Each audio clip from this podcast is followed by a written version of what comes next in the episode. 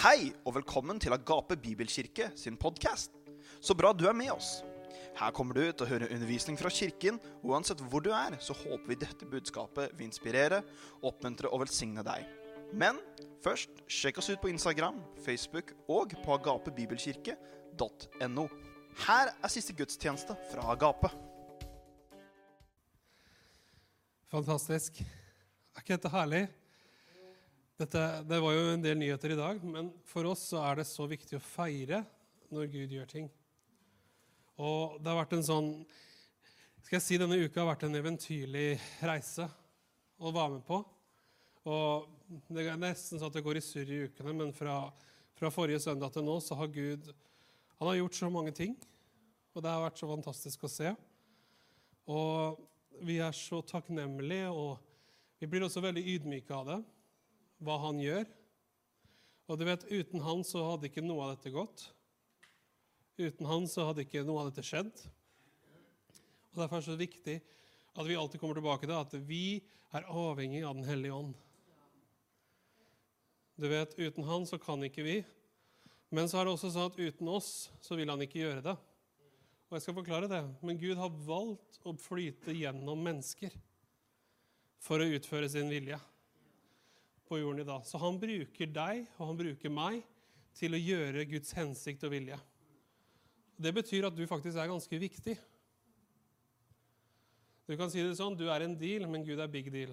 Altså Han er big, så det sammen blir det en big deal. Og Derfor så vil jeg oppmuntre deg Vi skal snakke om det her med en serie med Hellig ånd. Og jeg vil snakke om det at hellige ånd er han som fullfører Guds hensikt. Og dette er noe som er veldig viktig. Og jeg har lyst til å komme til her, men jeg vil at vi skal komme tilbake til ordet semion. Vi kan få det, Christer. Det er bildet som heter semion på gresk. Og det ofte er et tegn som er gitt spesielt for å bekrefte, understreke eller autentisere. Det understreker endeformålet som opphører den som gir det. Følgelig blir brukt tusenvis av ganger i NT for det som autentiserer Herren og hans evige hensikt. Spesielt ved å gjøre det bare et menneske ikke kan kopiere eller ta æren for. Når Bibelen snakker om tegn, så er det dette ordet som kommer. Og det jeg har brukt på denne, det er for å bekrefte, understreke, og så på en måte vise at det er ekte. At det her ikke bare er en kopi. Du vet veldig mange ganger folk i verden hva leter etter og ser etter hva som er ekte. Et tegn er gitt her for å bekrefte at det er ekte. Derfor mange ganger så ser vi hopetall av mennesker som kommer til tro. For Den hellige ånd gjør spektakulære, spektakulære tegn som er en spektakulær bekreftelse. På samme måte ønsker han å gjøre gjennom oss. Men, men, realiteten er det. Disse tingene skjer når vi går ut av vår trygge sone og går hit hvor det er bare Gud som kan redde oss. Peter kunne gå på vannet først når han gikk ut av båten. Han fikk ikke en bøtte å plaske i på prøve før han gikk ut av sjøen. Og veldig ofte vi vil ha en liten balje å prøve å gå på først, før vi skal ut på vannet. Men det er ikke noe balje, det er ikke noe bøtte som står og venter på deg. Det er kun det åpne havet og Guds nåde.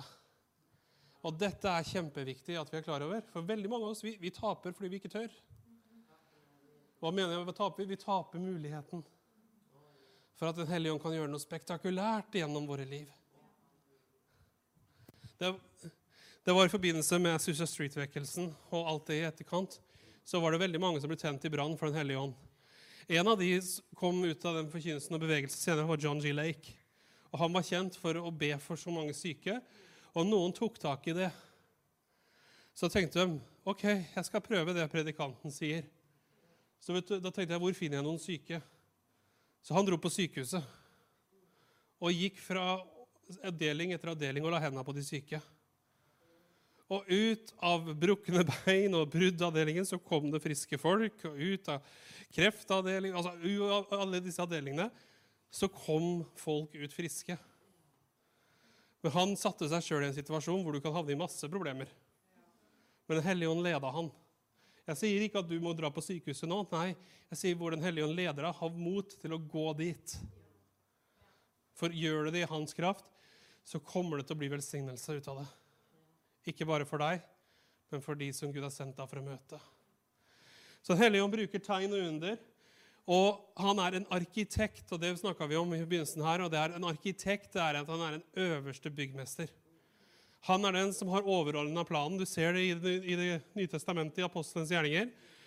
Han er også den som bryter gjennom barrierene.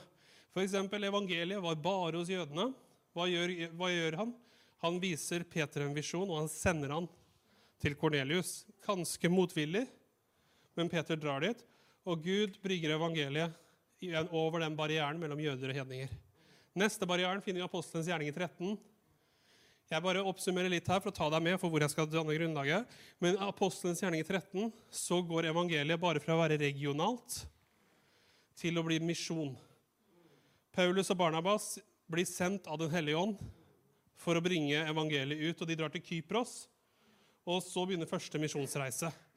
Den tredje barrieren er når de har operert i de samme landene og områdene rundt, på samme kontinent, Asia. Midtøsten er i Asia. Og så sier Den hellige ånd, ikke gå inn i Asia. Får ikke lov. Snu deg. Og så ser de en mann fra Makedonia som sier, 'Kom og hjelp oss'. Der går evangeliet over kontinentsgrenser og inn i Europa. På grunn av det så fikk vi evangeliet. Dette er noe som er viktig. Den hellige ånd ønsker å bryte barrierer. Og han ønsker å ta oss over det som er noen ganger våre barrierer i hodet. Du vet, Ofte er det ikke barrierene fysisk som er problemet. Det er barrierene som vi har her. Med jødene så var det sånn, jødene så bare evangeliet er bare for oss. Til tross for at Jesus hadde sagt gå ut til alle folkeslag og gjør dem til disipler. Men de tenkte fortsatt Og evangeliet hadde ikke gått ut av Jerusalem før, før Herodes jaga dem ut med sverdet. De, de, var på samme sted. Og mange ganger så er det så komfortabelt å være der vi er, og vi prøver heller, istedenfor å gå til noen, så prøver vi å samle alt til oss. Men det er ikke Guds hjerte. Det er også mange ganger menighetsstrategi at folk prøver alltid å samle alle på ett sted. Men faktisk, det vi ser av Postens gjerninger, var at alle menighetene vokste når de planta nye. Dette er Helligånds arkitektstrategi. Han er den øverste byggmesteren, og han bruker sin kraft, som vi får ordet dynamis. Det samme ordet for dynamitt, og det er nevnt med 120 ganger i Det nye testamentet. Og En liten fun fact med det det var 120 disipler som var på øvre sal, og dynamis er nevnt 120 ganger. Så det er kraft nok til alle. Men det er en skaperkraft. Det er det samme kraften når Gud bare boom, skaper alt. Den kraften ga han til menigheten. Det er det vi har snakka om så langt. Og jeg har lyst til å bare ta med deg noe, og det her er noe det er at han som fullfører sin hensikt i våre liv. Han fullfører sin hensikt for menigheten, og vi er i en veldig spesiell tid akkurat nå. Og hvis, du, hvis vi ikke er klar over det, at vi er i en veldig spesiell tid i verdens historie, så går vi glipp av ting. Men du skjønner nå, jeg tror personlig det er ikke lenge før vi får, får se Jesus komme igjen. Fordi det er veldig mange tegn nå som er oppfylt. Og før hans komme, første komme, når han blir født, så er det over 365 profetier som blir oppfylt. Det er én profeti for hver dag et helt år. Pluss litt til. Så det her er noe som skjer, at Gud oppfyller alltid sitt ord. Og dette er noe som er veldig viktig å vite om Guds karakter. Han oppfyller og fullfører alltid det han har sagt. Og det er ting nå som skjer i verden, som ikke vi kan be imot. Jeg gjentar, Det er ting som skjer i verden nå vi ikke kan be imot. Vet du hvorfor? Fordi Bibelen sier at dette må skje før Jesus kommer igjen. Det er ikke noe du og jeg kan forandre med vår tro eller vår bønn. Det som vi må gjøre, er det vi fikk beskjed om det er det mandatet å bringe evangeliet til ethvert folkeslag. Til å gjøre disipler av hver nasjon. Det, så det var en undersøkelse nå, det er en, det er en bevegelse av troende i alle kirkesamfunn nå som jobber mot det kalles 2030-målet. Og det 2030-målet er at alle nasjoner, alle folkeslag, skal ha tilgang på evangeliet før 2030. Og det vet vi òg, at når det målet blir fulgt, og at hele verden har hørt, så kan det være når som helst når kongen kommer. med dagens teknologi. Det er ikke no, de barrierene som var der før, er borte. Og jeg skal ta det her med deg, vi skal, vi skal ha en serie på dette på høsten. Og vi går inn i dypet, hva Bibelen sier om endetiden. En del ting som har vært undervist tradisjonelt, er, ikke, er, er, tolket. Men hvis du ser det nå gjennom ordet, hvordan ting ble forberedt og ledet opp til hver ting Gud er veldig konkret. Men eksempel, hvorfor måtte Jesus bli født i den tiden det kom? En av de faktorene som jeg syns er veldig moro, det var at det var Romerriket var på sin høyde, og det ble bygd veier overalt. Hvorfor på den tiden? For at evangeliet skulle ha lett tilgang til å treffe verden. Og for at alle folkeslag skal kunne høre på en gang. Hva, hva trenger du nesten nå? Her når du veldig mye av verdens befolkning, men du når ikke alle. Men teknologien, reisemulighetene, alt dette som kommer nå, kommer også til å bli brukt for å bringe evangeliet dit det må, før enden kommer. Dette er med teknologi. Noen er redd for teknologi. Teknologi er som et dobbeltlegga sverd. Det kommer alltid til å bli brukt til velsignelse, men også til, til ondt. For sånn er menneskeheten. At Det er det sverdet som er. Det er både rettferdighet og synd. Rettferdighet gjennom Jesus Kristus, men det er også Adamslekta som driver med ting som ikke er bra. Men vi er i en tid nå hvor du og jeg får være med på en veldig spesiell tid i verden. Og Kan jeg garantere at vi lever her til Jesus kommer igjen? Nei, det kan jeg ikke. Men vi begynner oss, som Bibelen snakker om, vi ser at disse ting skjer. Hva gjør vi da? Vi kan gå til, vi kan gå til eh, Lukas evangelium, kapittel 21, vers 25-28.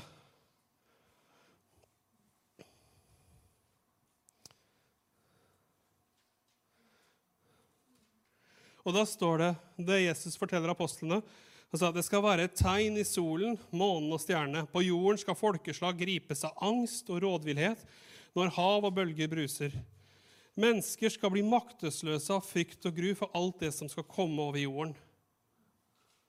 Skal vi se Det er Lukas eh, 21, vers eh, Jeg begynner nå i vers 27. Lukas 21, 27. Jeg leste fra 25 først. Og så kommer det, Men da skal dere se menneskesønnen komme med, på en sky med kraft og stor herlighet. Og så står det Når alt dette begynner å skje, se da opp og løft deres hode, for deres forløsning nærmer seg. Dette er hva Guds ord sier vi skal gjøre nå. Når vi begynner å se all dette uro i verden Jeg vet ikke om du la merke til det, men når covid og alt det der i den tiden, det var som det ble skrudd på en annen temperatur i verden. Og så har det vært med, det har vært en økning av jordskjelv, det har vært en økning av naturkatastrofer. Moralske har bare stupt, som også Bibelen snakker om. Det er ikke bare at det er gradvis i forfall, det stuper nå. Radikale krefter har kommet til i maktposisjoner og bare kjører forfall i mange land, særlig nå over hele verden, og spesielt i Vesten. Alt dette må skje. Når dette skjer, løft blikket. Og begynn å takke Gud. Vi trenger ikke være redde. Jeg vil bare si det først. Noen er redde for Jesu hjemkomst. Hvorfor er du redd for den beste dagen i ditt liv? Det burde være glede. Midt i alt dette kaoset så kan vi glede oss. Vi trenger ikke å være redde. Min venn, vi kan juble og prise Gud midt i denne tiden at, at vårt liv skal ære Han i mørket. I tiden som er nå, så kan vi bare Yes! Woho! Mens folk sliter med angst, og folk har aldri vært sykere, og ting går nedover, så står vi her og jubler i vår frelse. Dette er noe Den hellige ånd gjør i våre liv. Men det kommer av at vi må overgi oss der. Hvis vi ikke lever der en overgivelse med Han, så vil vi ikke erfare det. Men når vi har Han, så har vi alt. Så om verden går ned, så går vi fortsatt opp. Og det er noe jeg vil oppmuntre deg med i dag. Om til, om Jesus kommer i vår tid fantastisk! Det er det beste som har skjedd. Han kommer til å innføre rettferdighet i verden. Folk er redde. Ja, men hva skjer når Jesus kommer? Tenk på den og den og den og den personen. Jeg kan love deg en ting. Det blir så mye bedre når Jesus kommer. Han kommer til å innføre fred og rettferdighet og liv i verden. All krig, all død, all sykdom, alt det har han betalt for. Jesus kommer og setter orden. I dette kaoset som nå går. Det er den beste dagen, det er den beste tiden i vårt liv. Og vi, vi må bare juble over det. Og Den hellige ånd, han fullfører nå det verket som han satte ut da han, da, da, han sendte ut apostlene så fullfører Den hellige ånd nå. Og vi får være en del av den fantastiske linjen av, av, mennesker som har gått med Jesus i alle tider, og får være med for, for en tid som denne til å være med på en innhøstning her i Rakkestad i Sarpsborg, i vårt land, og så at folk skal komme til tro. Men det er noe Den hellige ånd gjør i denne tiden. Kjenn tiden du er nå. Ingen har noen gang levd det du lever nå. Den hellige ånd gjør noe helt fantastisk på denne tiden vi er nå. Tro på at han er den han er.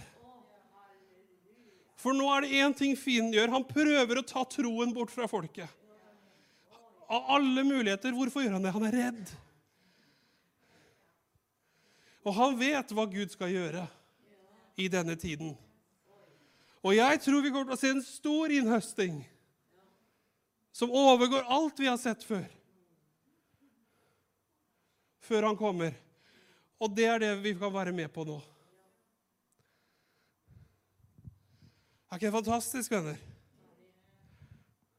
Og Den hellige ånd vil fullføre sin hensikt gjennom menigheten globalt, gjennom oss som lokal kirke og oss individuelt.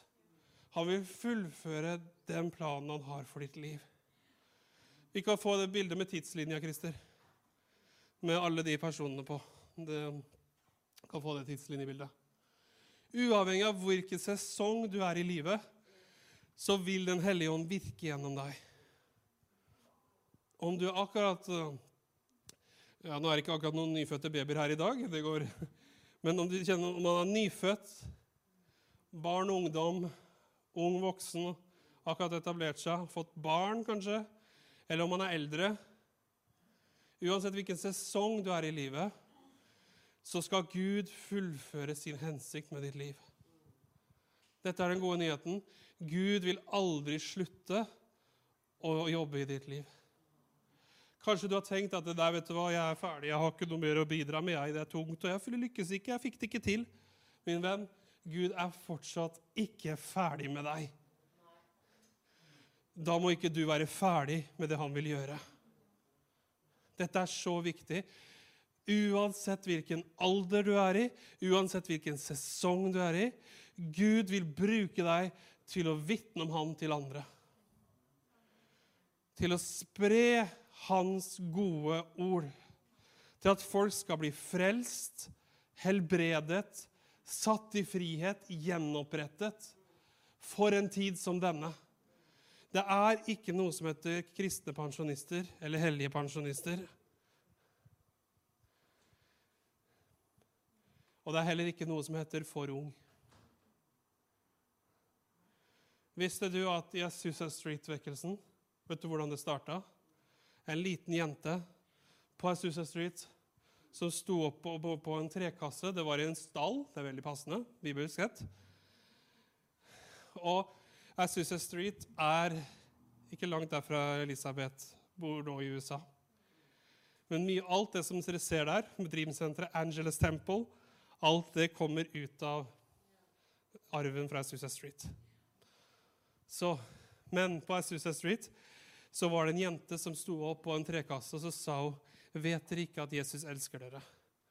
Og så falt Den hellige ånd så mektig på lokalet at trikken stoppa på utsida, og folk inni trikken segna om, og politiet trodde de var fulle. Og så kom politiet for å ta på dem, så datt de om også. Du må lese historiene fra Suicide Street. Det er bare helt fantastisk. Men det er en sånn boom! Det er dunamis. Den kraften av Den hellige ånd som øses overalt. Og Vi har Den hellige ånd i dag i oss, og vi har den kraften. Men det er en ekstraordinær manifestasjon av den kraften som også skjer når Gud beveger seg på en sånn måte. Og det er det vi kommer til å se denne tiden her, men sterkere enn før. Det vi har sett mange ganger tidligere i vekkelse, har vært også at Gud har brukt gjerne noen individer og kjørt på. Jeg tror at denne tiden kommer til å bli hans kropp som reiser seg. Mer enn noen gang. Så det er helt fantastisk. Eh, jeg har lyst til å ta noe her som er at det er å fullføre ditt løp med Den hellige ånd. Henger du med meg her? Jeg har spreka på inspirasjon veldig herlig. Du sa en del ting jeg ikke hadde forberedt, men det er, veldig, det er herlig. Og, men det er å fullføre sitt løp med Den hellige ånd. Fordi alle vi burde fullføre godt. Veldig mange ganger et stort problem i Kristi kropp er at vi ikke fullfører det som Gud la ned i oss. Vi begynner bra, men så skjer det ting i livet. Og vi går av veien. Vi går av det som Gud har lagt på oss. Det kan skje fordi at noen gjorde noe mot oss, eller at en omstendighet skjedde, eller at vi bare aldri har fått den undervisningen vi trengte. Eller kanskje vi aldri fikk fikk eh, noen ting på plass som vi skulle ha på plass. Eller kanskje det skjedde synd i livet som hindra oss. Altså, Det er mange grunner til det. Men fortsatt, selv om vi har falt, selv om vi har gått oss vill, selv om noen har gjort noe vondt mot oss Gud er fortsatt ikke ferdig med deg. Han er ikke ferdig med den hensikten han har for ditt liv. Og det er så viktig at du er klar over. Det vil alltid være motstand. For det er et tegn når du følger Jesus. Sorry, det er sånt som skjer. Vi kommer ikke unna det. Men jeg har lyst til å ta Jesus som eksempel. Det er en veldig bra start. Å bruke Jesus som et eksempel. Men dette er ganske herlig. Hvis, du, du, hvis jeg spør deg, hva er det første Jesus sier i Bibelen? I Nytestamentet? Du vet det nå, får jeg fortalt det, så du får ikke svare. Men hva er det første Jesus sier i Det Hmm? Nei, han, han, sier det, men det er ikke det første. Det er ikke det første han sier. Mm? Yes, Han var tolv år i tempelet. Det er de første nedskrevne ordene som Jesus sier. Og vet du hva han sier for noe? Dette er veldig herlig. Hold deg fast nå. Hold deg fast i stolen. Det er sånne håndtak du kan holde i.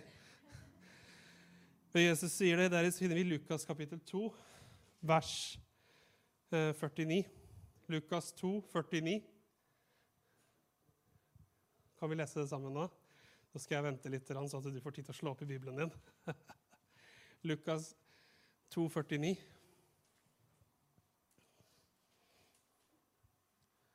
Skal vi se, Lukas 2,49, får vi det på skjermen? Yes. Han sa til dem, 'Hvorfor lette dere etter meg?' 'Visste dere ikke at jeg må være i min fars hus?' Annen, dette er den norske oversettelsen, men en annen oversettelse jeg liker å titte litt på sånn. da. Men det står, jeg tror det er den engelske blant annet, så står det det. Vet dere ikke at jeg må være opptatt med å gjøre min fars vilje eller gjerning? Det er hva Jesus sier. Og grunnen, Hvorfor er det så viktig for med gjerning og vilje? Jeg skal vise deg. For dette er det første Jesus sier han er tolv år. I Bibelen skrevet da. Han sa sikkert mye annet òg til sine foreldre. Så, men vi leser i Johannes 4,34. Og nå er Jesus over 30 år når han sier dette. Johannes 4, 34.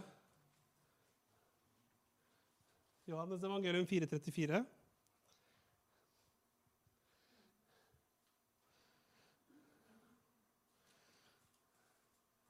Og Da har eh, Jesus holdt på hele dagen og betjent folk. Og så Disiplene tenker han skal få noe, han må gi ham noe mat. Og så sier Jesus eh, Min mat er å gjøre Hans vilje, som sendte meg, og fullføre Hans gjerning. Det er utledet det samme. I hebreerbrevet finner vi det at blod og offer ville du ikke ha, men en kropp har du forberedt meg. Se, det står skrevet om meg i bokrullen for å gjøre din vilje, Gud. Dette er hva Jesus kommer. Han kommer inn som barn og sier, 'Vet dere ikke at jeg må gjøre min fars gjerning?' Og så kommer de. 'Jesus, er du sulten?' 'Min mat er å gjøre hans vilje og min fars gjerning.' Det det samme igjen. Så skal vi ta den tredje referansen, og det er Johannes 1930. Johannes 1930. Henger du med meg her i dag? Hvis du ikke henger med, må jeg begynne helt på nytt igjen. Da blir vi her i hele tatt. Johannes 1930.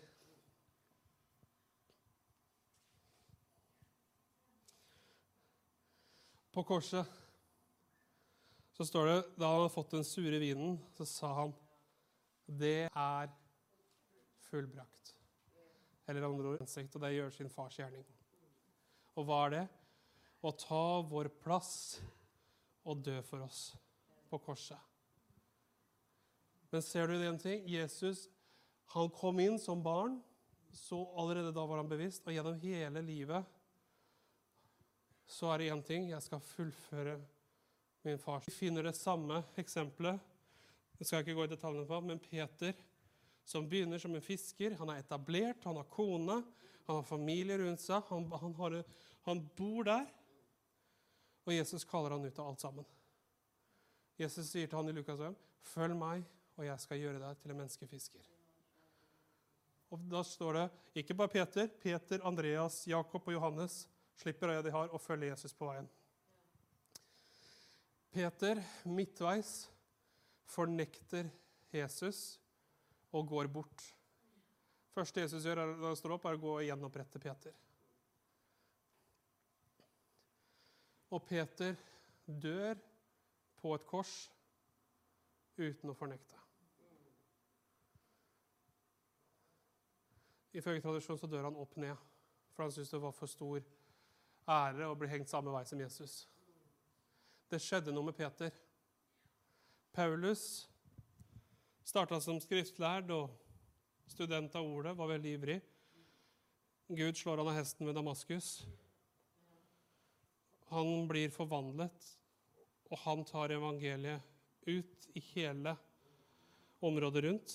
Både Europa og Asia og flere steder rundt. Og dette er så fantastisk, men Paulus så fullfører sitt livs hent. Uh, 2. Timoteus 4, 1-8. 2. Timoteus 4, 1-8. Vi skal snart lande. jeg vet. Vi hadde, vi hadde en skikkelig vitnesbyrpakke i dag, så jeg skal ikke preke en time for deg i dag. Det er, derfor jeg, det er derfor jeg går litt på høy fart i dag. Men 2. Timoteus 4, 1-8. Jeg har lyst til at vi skal lese det sammen. Dette er det Paulus skriver til Timoteus da han sitter fengsla. Og han også ser han er på slutten av sitt liv. Veldig mye av Paulus' brev ble også sendt fra Roma i den tiden han satt der. Og vi vet at Paulus han skriver jo om at han gleder seg til å forlate Roma, men Paulus forlater aldri Roma. Han og Peter blir henretta under keiser Nero. Så, men Paulus skriver det til Timoteus i 2. Timoteus 4, 1-8. Får vi det på skjermen? Ja, så da står det Derfor vitner jeg for Gud og Herren Jesus Kristus, som skal dømme levende og døde ved sin åpenbarelse og sitt rike. Forkynn ordet. Vær rede i tide og utide. Overbevist, irettesett, forman med all tålmodighet og undervisning. For den tid kommer da de ikke skal holde ut den sunne lære, men etter sine egne lyster skal de hope seg opp i lærere og gjøre hva som klør dem i øret. De skal vende ørene bort fra å høre sannheten og vende seg til myter. Men vær du på vakt i alle ting og lid ondt og gjør en evangelistgjerning og fullfør din tjeneste. For jeg blir allerede ute som et drikkeoffer, og tiden for min avreise er nær. Jeg har stridd den gode strid, jeg har fullført løpet, og jeg har bevart troen. Til slutt er det gjort ferdig en rettferdighetens krone for meg, den som Herren, den rettferdige dommer, skal gi meg på den dagen. Ja, ikke bare til meg, men til alle som har elsket Hans åpenbarelse. Og Det er mange ting vi kan ta her. og jeg, Vi kommer til å touche inn på det her til høsten, i dybde. Men jeg har stridd den gode strid. Jeg har fullført løpet, og jeg har bevart troen. Det er det Paulus sier. Og hva er det han forteller Timoteus? Timoteus, Ta vare på din tjeneste, ta vare på det Gud har gitt deg, og fullfør ditt løp.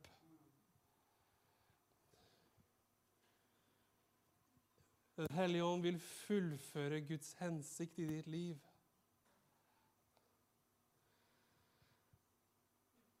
Fullt og helt. Og det er så mange her i Rakkestad som Gud vil fullføre deres livs hensikt. Livet er så mye mer enn den norske, pene drømmen som sprekker i alle farger og veier nå. Livet er så mye mer.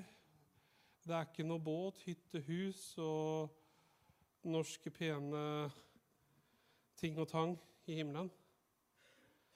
Men Den hellige ånd vil fullføre det han satte deg ut i ditt liv. Kanskje du har blitt parkert av ting. Kanskje du har parkert deg sjøl. Kanskje ting ikke gikk akkurat som du trodde. Eller kanskje du er der du skal være, og midt i den planen nå. Uavhengig av det, ta vare på det som Gud har gitt deg. Gå inn i hans nærvær, bygg din relasjon med han sterk, og la han fullføre i deg hva han sendte deg ut for. Det er noe som bare du kan bidra med, og dette er det som er så vakkert. Når vi kommer sammen, og alle vi bringer vår del, så blir det hele bildet. Vi er ikke kalt til å leve for oss sjøl. Vi er ikke kalt til å dø for oss sjøl. Vi som agape er kalt til en hensikt. Men sammen som agape så er vi også en del av Guds store plan for Kristi kropp og hva han gjør i denne tiden. Vi, vi er kalt til fellesskap med Gud og med hverandre. Ingen Det er derfor jeg sier det. Det er aldri sett at en kristen som går utenfor det troendes fellesskap, blomstrer.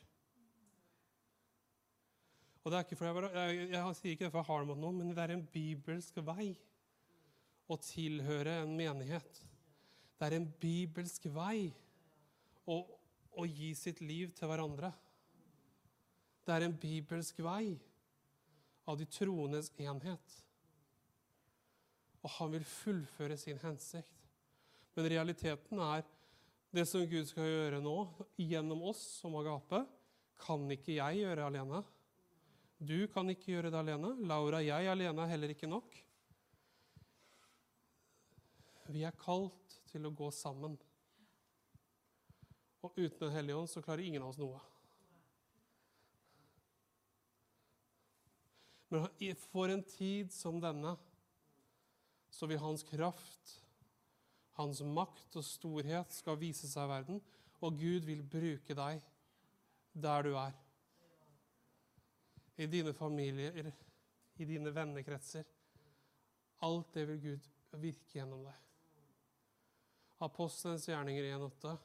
Dere skal få kraft når Den hellige ånd kommer over dere, og dere skal være mine vitner. I Rakkestad i Sarpsborg, på tvers av kulturer, og hele Norge og hele Europa og helt til verdens ende. For en tid som denne, min venn. Halleluja. Da skal jeg lande. Fantastisk.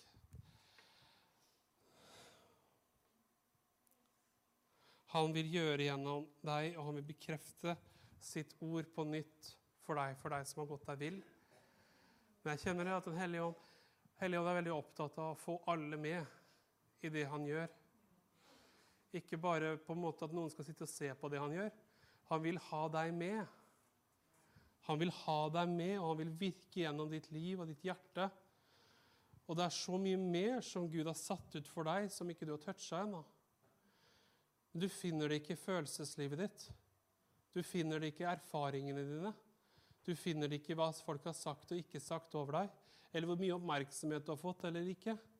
Det er ikke der du finner det. Du finner det i fellesskap med han, i relasjon med han. Du finner det i hans ord. Noen leter etter jeg vil ha et spektakulært ord. Du har fått Bibelen. Begynn å gå med det. Jeg syns det er fantastisk, men Osborne han, eh, T.L. Han som gikk rundt og forkynte helbredelse, han sa han fikk aldri et konkret kall av Gud til å helbrede de syke. Men allikevel er han en av de mest kjente helbredelsesforkynnerne vi har. Han sa han fikk aldri en tiltale fra himmelen. Han bare leste i Bibelen at han skulle legge hendene på de syke, og de skulle bli friske. Så gjorde han det. Og på samme måte, Gud vil at det han sier til oss, skal være nok. Du har fått Bibelen, min venn. Gå inn i ordet, og la ham få lov å virke. Vi får lovsangerne opp. Min venn, det er hensikt i Bulgaria, i USA, i Mexico. Alt det som Gud har tenkt ut nå, og vi får være med på det. Han er arkitekten, han er den øverste byggmesteren, og han skal fullføre sitt ord. Ikke bare overordna plan, men også i ditt liv. Kanskje det er ting du har trodd Gud for i ditt liv, og av en eller annen grunn så har det bare falt av. Venn, det Gud har sagt, vil han fullføre i ditt liv. Gå tilbake til hva var det han sa til deg. Noen ganger når jeg er i en tid en sesong, så må jeg gå inn i ordet og bruke tid der. Men så går jeg også tilbake og ser ned. Hva var det siste Gud sa til meg? Jeg minner meg sjøl om de såkalte Rema-ordene, som var Helligånds ord til meg. Et Rema-ord betyr åpenbart eller vist, eller et ord som bare er til deg. Tilbake dit og så si Wow, Helligånd, det er det du vil gjøre. Og han vil gjøre det i ditt liv igjen. Far, vi ærer deg. Vi priser deg. Å, vi takker deg for at du har gitt oss Den hellige ånd. Takk at du har gitt oss Den hellige ånd som vil gi oss kraft, som vil gi oss styrke, som vil fornye oss. Og jeg bare ber, far, jeg takker deg for at vil, han vil fullføre Å, han vil fullføre Guds hensikt for våre liv. I den tiden vi er i nå. Jeg bare ber helt konkret, far, for oss som menighet, at vi alle skal vandre helt med deg. Og vi alle skal gå i den ferdiglagte gjerningen som det står i Feserne 2.10. Og jeg takker deg, Hellige Ånd, at du vil fullføre Guds hensikt i våre liv. Gjennom våre liv. Slik at vi kommer dit du vil ha oss, men også at mange flere også skal finne deg. Jeg ber for det, far. Og vi ærer deg for at du taler til oss i dag, og du virker i oss i dag. Takk, far, for en tid som denne.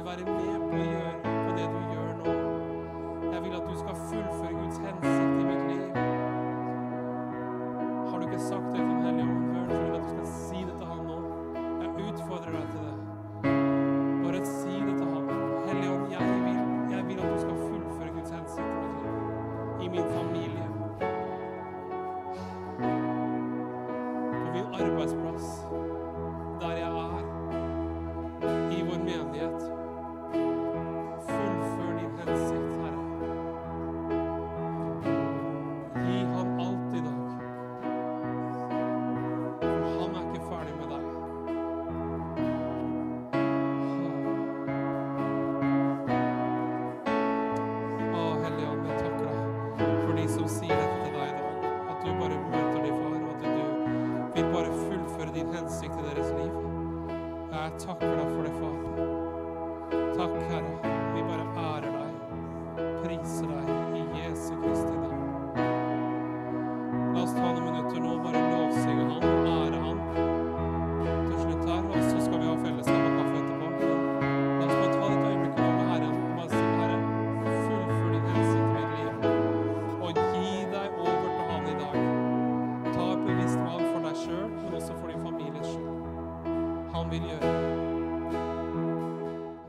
Tusen takk for at du var med oss i dag.